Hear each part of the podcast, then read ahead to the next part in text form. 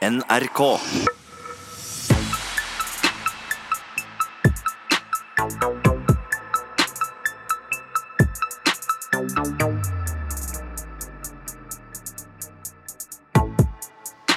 Velkommen til Røverradioen. Nå har vi jo flytta hele studio ut av fengsel. Og det er ikke til et hvilket som helst eh, sted heller. Vi sitter faktisk inne på Nobels fredssenter. Og vi, det er eh, to tidligere fengselsfugler. Det er Ylva. Ja. Og det er meg. Jeg heter Erik. Eh, Og så har vi en ting til som vi heller ikke pleier å ha. Og det er publikum. Kan vi gjøre litt lyd fra dere? Men Erik, så er det en annen ting som er veldig spesielt. Det er jo det at eh, Vi har vært kollegaer i mange måneder på innsida av murene. Det har vi. Og det her det er faktisk første gangen vi sitter og ser hverandre i øynene. Mhm. På utsida, uten vakter. Uten at disse her som hjelper oss med å ha sendingen, har nøkkelkort og låser oss ut. og litt sånn forskjellig. Hvor deilig er ikke det? Det er sinnssykt deilig. Og så er det jo litt sånn at vi kan jo egentlig bare stikke av, men vi lover det skal vi ikke gjøre. Så lenge dere er snille. Ja. Men hva synes du, Hvordan er det å ha sending uten, utenfor murene? Jeg syns det er kjempebra. Eh, og jeg tror jo at eh, noen ganger så kan det være litt viktig at de vanlige folk i gata får et ansikt av oss eh, på hvem vi er. For at det er vel ikke engang sånn at vi alle har masse tatoveringer og er skikkelig bad, bad, bad. Eh, vi, vi har vel kanskje mange ganger flere relasjoner til dere vanlige mennesker enn hva dere tror. Absolutt. Absolutt. Ja, Så- Så skal jeg vel avsløre en ting. eh, og det er det at Jeg er ikke helt fri ennå, men jeg er på noe som heter hjemmesoning uten lenke. Så du er virkelig den som er fri-fri. Men jeg er så nært friheten som det er mulig å komme. Absolutt. Men du, hva er det som eh, Hva er det vi skal gå gjennom i dag? Hva er det som skjer? I dag så har vi en spesiell sending. Vi skal bl.a. få besøk av en mann som har reist rundt i hele verden og besøkt fengsel helt frivillig. Det høres egentlig tror jeg, ganske spesielt ut- for oss eh, røvere, Erik. Eh, Men det har han altså gjort. Og for en god grunn også. Han har dokumentert mennesker som sitter fengs fengsla verden over. Eh, Hvorfor han har, har, har giddet å gjort det, det skal vi finne ut seinere. Og så skal vi også ha besøk av Amnesty International. Eh, Hva er Amnesty, Ylva? Jo, det er en organisasjon som jobber for å hjelpe mennesker der det har skjedd store brudd på menneskerettighetene. Og Amnesty skal vi, skal vi forsøke å finne ut av om det er noe håp for å hjelpe alle mennesker som soner feilaktig rundt i verden. Om, de fikk, om det er noe håp for at de kan hjelpe dem. Så skal vi forsøke så godt vi kan hvordan det er å forklare hvordan det er å sitte i fengsel. Ikke akkurat en enkel oppgave. Så det er godt at det er to tidligere innsatte her. Så da er det egentlig bare å kjøre i gang Kjøre overtid.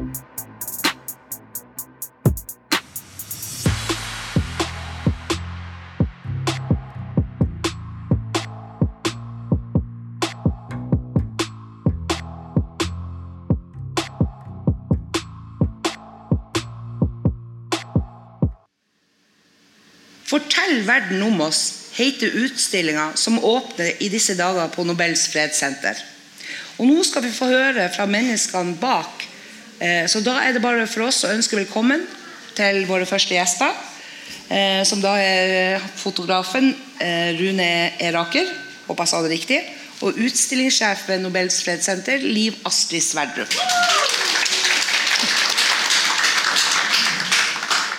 Rune, du har vært eh, og tatt bilder av fanger rundt omkring i hele, rundt omkring i verden i alle mulige slags fengsel. Hvordan ble utstillinga til? Hvordan fant du på at du skulle lage denne utstillinga? Jeg har jobba som dokumentarfotograf i 30 år.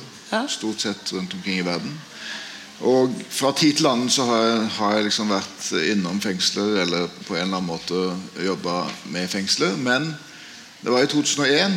eh, Da fikk jeg en eh, Akkurat når vakten snudde seg vekk, så fikk jeg en lapp fra en som satt i et isolat i et eh, fengsel for politiske fanger i Bogotá i Colombia. Men når jeg så på den lappen, så kunne jeg ikke lese hva det sto. Det var spansk. Ja. Så jeg tok den med meg, eh, og eh, fikk senere vite at der sto det bare én ting. Fortell verden om oss. Og så eh, tok jeg den lappen med meg, det, da hadde jo jeg forlatt det fengselet. Og, eh, men så har på en måte den, eh, den bønnen eh, på en måte naga på meg eh, i ganske mange år. Eh, Hva, tok det lang tid før du egentlig fikk vite hva som sto på lappen? Nei, det, det fikk jeg vite uh, senere samme dag, for så vidt, så det var greit. Det var, Ja. Men det var bare at jeg var der for å skildre FARC-geriljaen Ja. eh, jungelen og, og krigen og, og, og de som var internt fordrevne. og Det var, det var masse å drive med. Som på en, og dette med det politiske fengselet var én bit av det. Ja. Liv Astrid, Ja. Hvorfor har dere valgt å sette opp denne utstillingen her? Nei, For det første så tenkte vi første gangen vi hørte om ideen til Rune at det var et utrolig spennende prosjekt. Fordi eh, er det overhodet mulig å gjennomføre?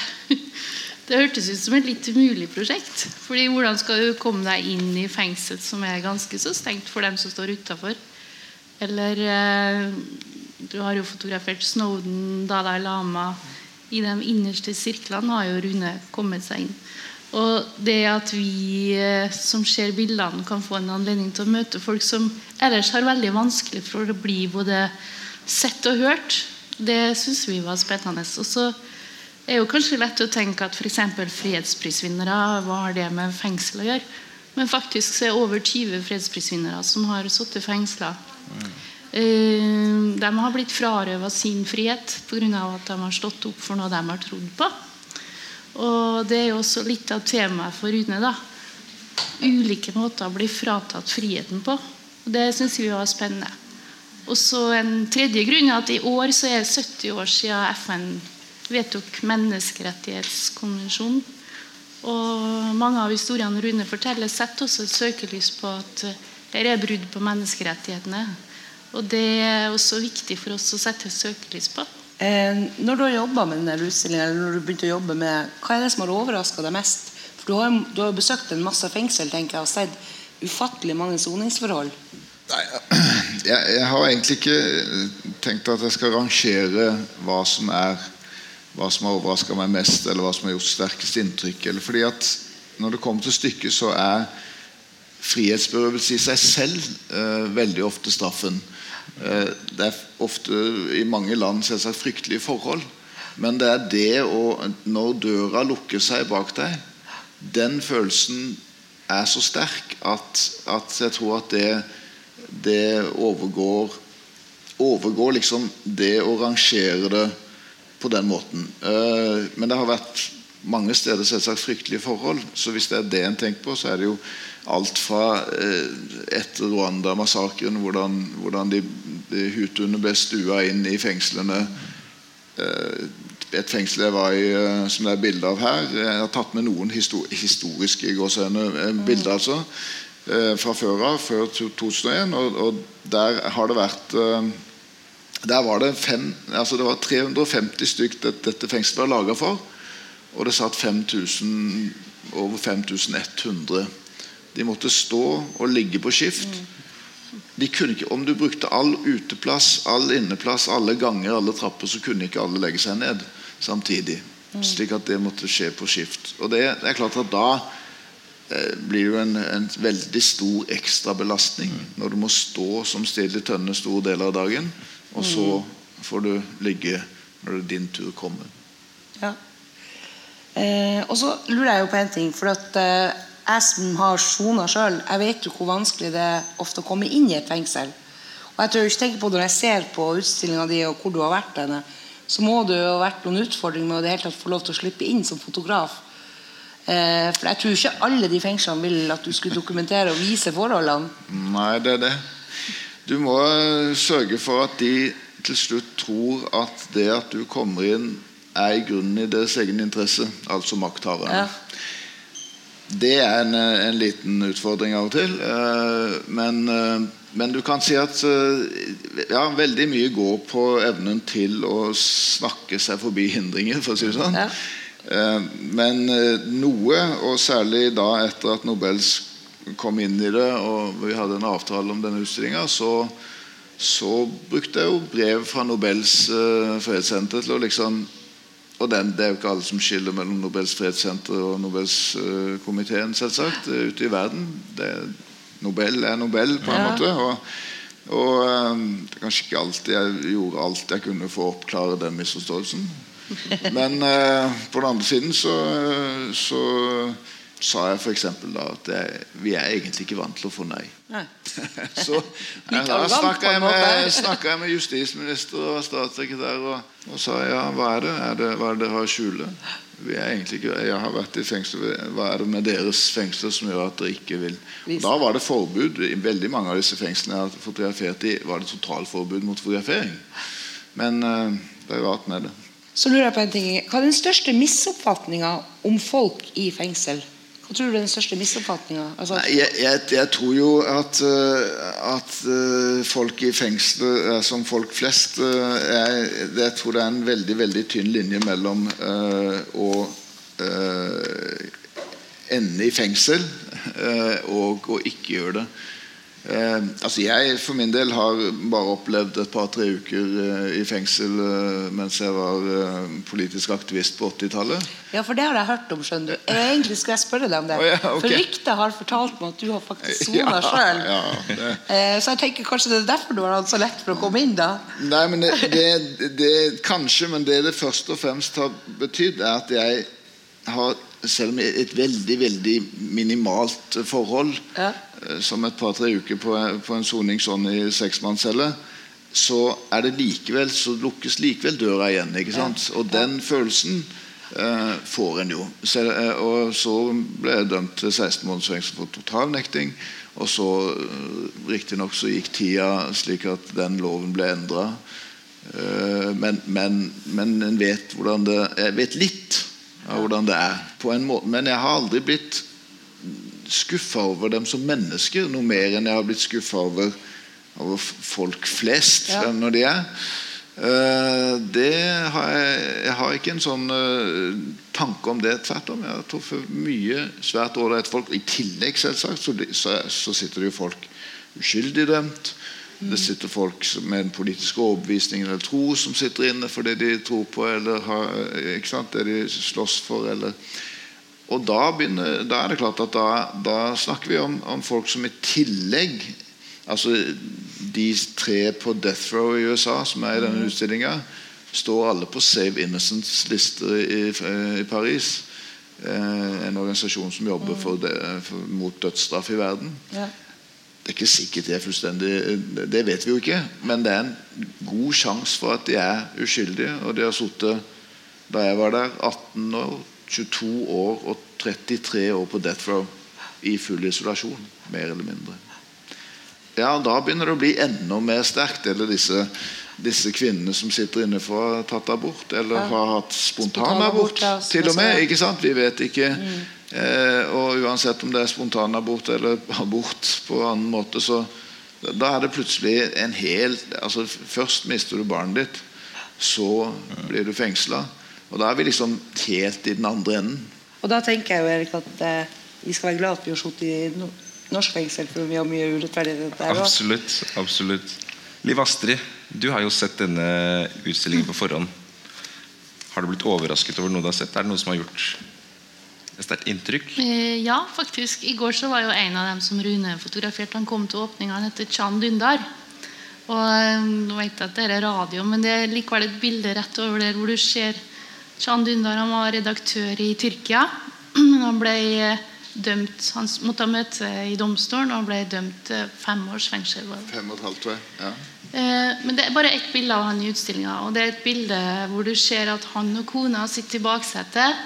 Ser ut som den filmstjerna med skjerf, blazer, solbriller, nydelig kone ved siden av seg.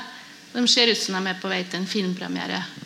Og så var han jo veldig spent når han skulle se hvilket bilde Rune hadde valgt. Jeg tror du tok mange hundre bilder av, av han eh, på vei til rettssalen. Eh, og så sin, fortalte han til meg at eh, du skjønner at vi ville, vi ville kle oss som om vi skulle ut og ha en herlig kveld. Vi ville ikke vise regimet at eh, de kan undertrykke oss. Vi er tross alt uskyldige i forhold til det her. Eh, og så sier han jeg lurer på hvorfor Rune valgte akkurat det bildet av oss.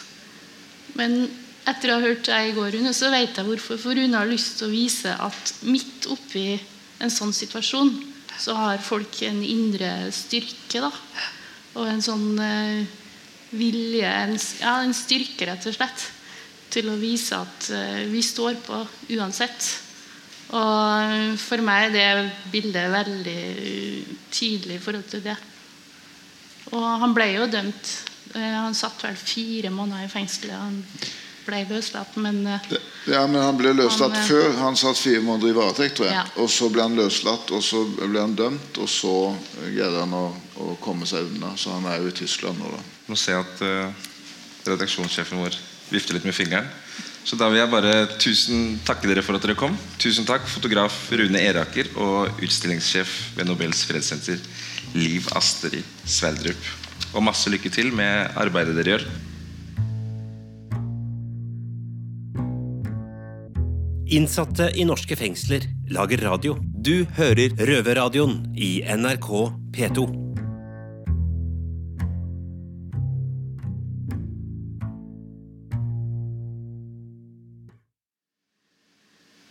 Du hører på Røverradioens eh, livesending fra Nobels fredssenter. Jeg er Erik og er her med Ylva. Vi har akkurat hørt om utstillingen 'Fortell verden om oss', som dokumenterer fanger verden over. Felles for alle vi møter i utstillingen, er at de har blitt berøvet for friheten sin, samtidig som de kjemper for å bevare verdigheten sin. Eh, mister alle verdigheten sin når de sitter i fengsel, Erik? Gjør de det, Ylva? Ja, dette er vanskelig. Eh, kanskje for en stund, tror du det? At man føler litt på det med det samme man kommer inn og døra blir løst første gangen. Absolutt. Så tror jeg jo det. Eh, og så er det noen som kanskje Det kan komme litt an på hva du soner for, tror jeg. Mm. Og selvfølgelig hvor du sitter henne. Og, og hvor sterk du er psykisk. Som gjør om du mister eller om du jeg tror nok at på et eller annet tidspunkt så føler vel alle at man mister litt av verdigheten. I tillegg til frihetsberøvelsen så er det noe som man føler blir tatt ifra Ja. seg. Absolutt. Eh, hvordan var det for deg eh, helt til starten å starte soninga di? Erik? Husker du noe som sånn Ja, det er ikke så lenge siden. Jeg slapp jo ut nå i slutten av eh, mars. Så jeg har kun vært ute i seks måneder. Så det er ganske ferskt i minnet. Og det er jo Det første er jo den derre hjelpeløsheten. At man da er alene og isolert og kun har seg selv å lene på. ja, Så familien din, da? Ja, jeg har liten, jeg har en liten datter som er eh, Hun hadde akkurat fylt fire år da jeg begynte å sone. Så det var vel kanskje noe av det Eller det var absolutt det tøffeste for meg. da Å ikke kunne stille opp som en pappa for henne. Det hadde jeg meg selv å takke for, men man sitter jo der og graver seg selv dypere ned i tankene sine. Og så tror jeg de som har barn, ofte soner kanskje litt verre. Fordi at de, Særlig hvis de har hatt daglig omsorg med ungene sine. Det, de får ikke se dem like ofte. og kan ikke bestemme sjøl når de skal se dem. Det er på avtalte tidspunkt. Bare det å ikke være til stede generelt, liksom, i hvert fall i en så ung alder, når, mm. det er tungt. Men du, hva syns du det verste var med å sitte inne? Eh, det er vel det her når, døra lukkes igjen, og at eh, det bestemmes eh, på, på, på en måte litt, Det er jo litt sånn, det bestemmes jo når du skal stå opp, når du skal spise, når du skal gå på jobb, hva du får lov til å eie og ha på det lille rommet ditt. Og så er det jo ofte sånn at det er jo noen kontroller på hvor mye liksom, Og vi jenter ofte Vi har jo kanskje litt sånn behov for å kunne pynte oss og sminke og litt sånn forskjellig. Eh, og når du blir satt inn, så er jo liksom Du får på deg en jo, rød joggedress. Og jeg vet at en av de tingene som jeg aldri skal eie noe mer, det er noe jo, rød joggedress. For å si det, det sånn. er jeg helt enig i. Altså, fordi I norske fengsler så er det slik at man ser på film i USA, sånn, så har alle den der orange jumpsuiten som alle går i. Men her i Norge så er det en rød joggedress. da Så den, eh, den blir man drittlei til slutt, for å si det mildt. Og så er det vel jeg tror også at, og så er det vel det at eh, du mister jo kanskje for en tid eller en periode litt av deg sjøl. Så det verste er vel egentlig det at noen hele tida skal lukke og bestemme når du skal få lov til å gjøre ting. Eh, For vi lever i et ganske fritt land, Absolutt. og det gjør noe med deg. Men hva føler du er det verste med å sitte inne? Helgene var noe av det verste også. Ja. Hvor man da blir låst inn klokken seks. Ja. Og så slipper de deg ut igjen klokken ti dagen etter. Og så ut og ha en, og en time lufting i en luftegård som er eh, 30 ganger 30. da Så da går alle mennene i sirkel bare for å holde mosjonen eh, i gang. Litt sånn hamsterbur. Ja. Så det var eh, bare det å ha alt sammen kontrollert og ikke ha noen egne valg. Det å bli strippa for det. Føler du at man blir eh, annerledes av å sitte i Nailva? Skjer det noe med deg liksom mentalt? Er det noe Alle blir vel litt annerledes, tror jeg. Eh, for det første, sant, sant, De fleste når du møter med fengselet, er jo at du må gi fra deg alle eiendelene du har. Det er to, kanskje det første gangen, ser for dere at første gangen du eh, går inn, så må, så må du strippe da foran to eh, vilt fremmede mennesker. Eh, du kanskje må løfte på puppene og spre tærne og alt mulig rart. Eh, ned i en hockeystilling og hoste, som også kanskje ikke er helt sånn vanlig for folk. Eh, og så er det jo, tror jeg, at man føler på en god del skam. Eh, på, altså, eh, kanskje, eh, kanskje verre for andre enn hva for enkelte. Og så, jeg tror at det, det handler om at eh, altså det, er ikke, altså det er ikke noe sånn som at man sier at det, Jeg kan ikke akkurat si at, at det er ikke kult å sitte i fengsel, for det er det ikke. langt ifra? Og jeg tror, og så er det det at man etter hvert øh, så har det jo litt med hvem du møter på. For du skal plutselig forholde deg til masse mennesker som du egentlig kanskje ikke naturlig ville forholdt deg til. Noen sier at uh, om man vil kjenne på hvordan det er å sitte i fengsel, så kan man be en venn om å låse seg inne på do. Men jeg vet ikke helt hvor effektivt det ville vært. Uansett så håper jeg vi har klart å gi dere et litt bedre innblikk i hvordan det føles å, å miste friheten sin. da.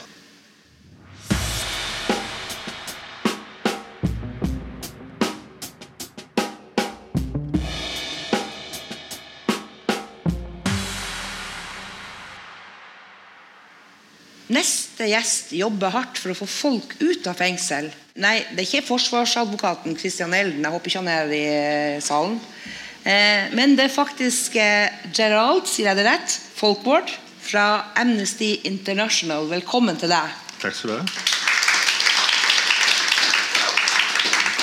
Altså Amnesty International burde føle seg hjemme her på Nobels fredssenter, siden dere faktisk mottok eh, prisen i, allerede i 1977. Ja, det er helt riktig. Det er eh, Amnesty-logoen både over inngangen og i andre etasjen da fredsprisvinneren presenterer. presenteres. Ja. Mange vet kanskje ikke at Amnesty ble opprettet eh, pga. to innsatte. Kan du fortelle litt eh, om det? Ja, det var jo altså Jeg pleier eh, å si at Amnesty ble opprettet fordi noen folk ble skikkelig sinte. Og Det var eh, en liten gruppe venner, og det er særlig en mann som het Peter Benenson, eh, som i London i 1961 oppdaget historier om eh, noen fanger som var uskyldig fengslet. Og, bare, og Han hadde lest mange sånne historier, han var advokat selv. Men denne gangen gjorde det noe med ham. Han tenkte seg det er helt ufattelig at det bare kan skje i en verden som har anerkjent menneskerettighetene 13 år tidligere, 1948. ikke sant? Og allikevel skjer denne uretten fordi vi overlater det til politikerne. Og politikerne bryr seg ikke. De har alltid andre prioriteringer. Og så bestemte han seg for nå skal vi prøve noe helt nytt. Nå skal vanlige folk engasjere seg for uskyldig fengslede. Og vi skal se om ikke det kan gjøre noen forskjell. Og det, Han startet en liten kampanje som det het en appell for amnesti for alle samvittighetsfanger. Og denne lille kampanjen i løpet av noen måneder ble en organisasjon. Og i dag er verdens største menneskerettighetsorganisasjon med flere millioner medlemmer og mm, støttespillere. Så, men det var enkeltpersoner som rett og slett hadde lyst til å gjøre noe med et urett, som var opprinnelsen av denne bevegelsen. Ja, Dere bruker jo mye tid eh, på folk som sitter i fengsel. Er det ikke andre dere heller burde hjelpe også?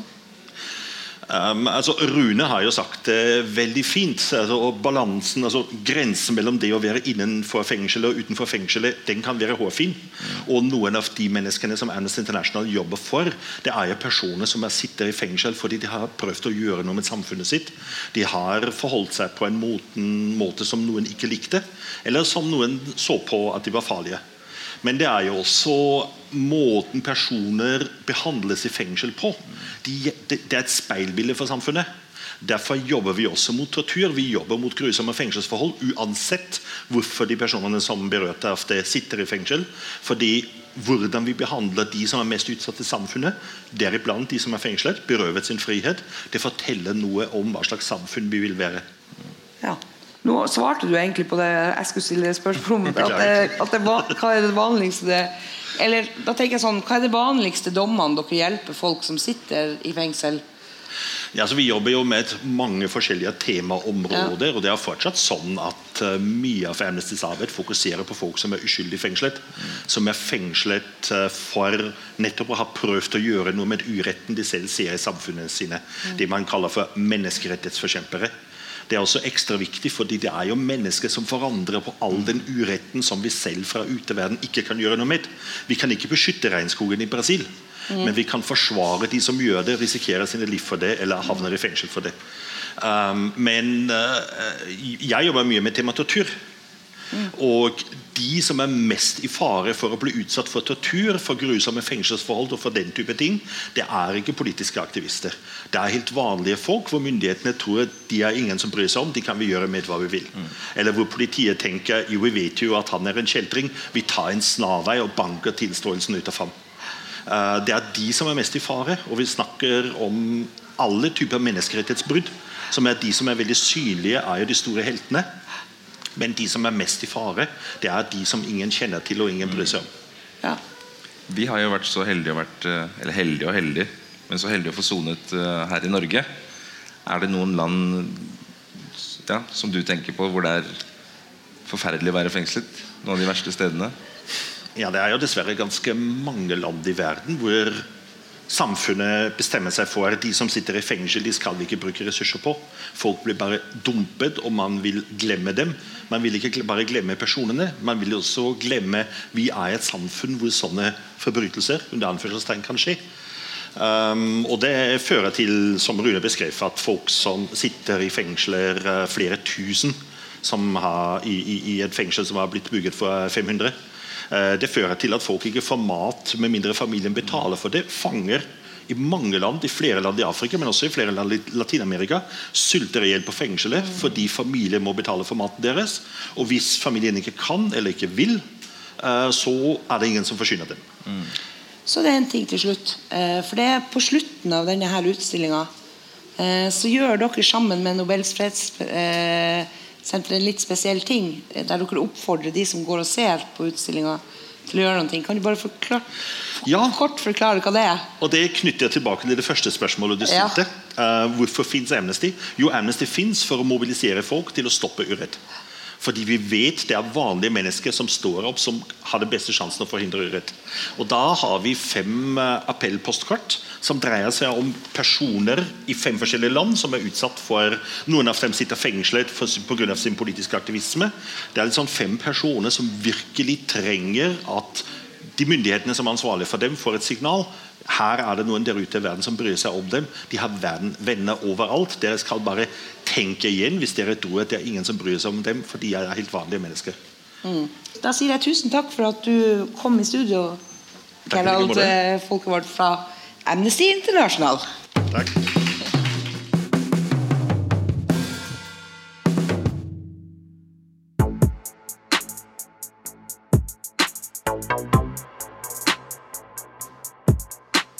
Det var det vi hadde fra Røverradioen i dag. Du hører oss om en uke. På NRK P2 hver lørdag klokka halv to. Neste ukes sending da skal det handle om gjenger i Oslo. Dere skal få bli bedre kjent med tidligere gjengmedlem. Og så får vi også besøk av byrådsleder Raimond Johansen i studio. Men, men du sier meg en ting, Raimond Johansen er det han som har vært egentlig den eh, lederen for hele gjengene i Oslo? Han eh, er liksom head honchoen i hele Oslo byråd, han. Å, jeg skjønner. Det er han. Følg med på Facebook og få med dere Ylvas anmeldelse av utstillingen. Fortell verden om oss. Og selvfølgelig så ta turen ned hit selv. Nå takker jeg og Ylva for oss.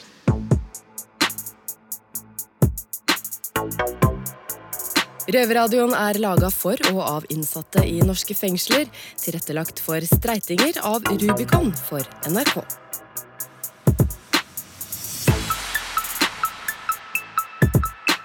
thank